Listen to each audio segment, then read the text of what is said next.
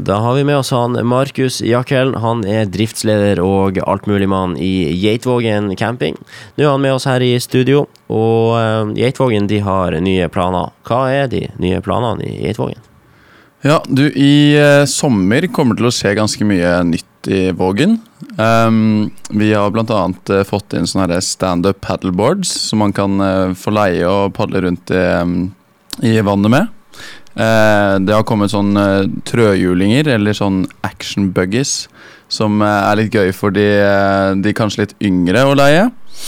hvor man kan tråkke rundt på plassen her og ja, kjøre litt sånn smårallybil, på en måte. Um, og så, noe som jeg gleder meg veldig til, er å få installert en zipline over havbassenget. Det kommer i juli en gang. Um, og det er noen av planene vi har for sommeren, da. Er det for voksne òg, den der zipline? Så absolutt. Heftige greier. Ja, ja, ja. En, uh, I dag så er det jo sankthansaften, og Geitvågen bruker jo å arrangere stort bål hvert år. Blir det det i år òg? Det blir det i år også, og uh, båltenningen skjer klokken seks. Um, det vil bli uh, matservering ved Skagen hotell um, fra en av de um, gapeukene der ute.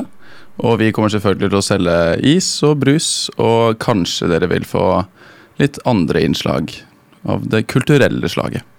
Ja, det høres veldig fint ut. Så når skal folk uh, trekke bortover til Geitvågen? Ja, om dere kommer bort eh, fire-fem-tida, så uh, får dere gode sitteplasser før det er bål og tennis klokka seks.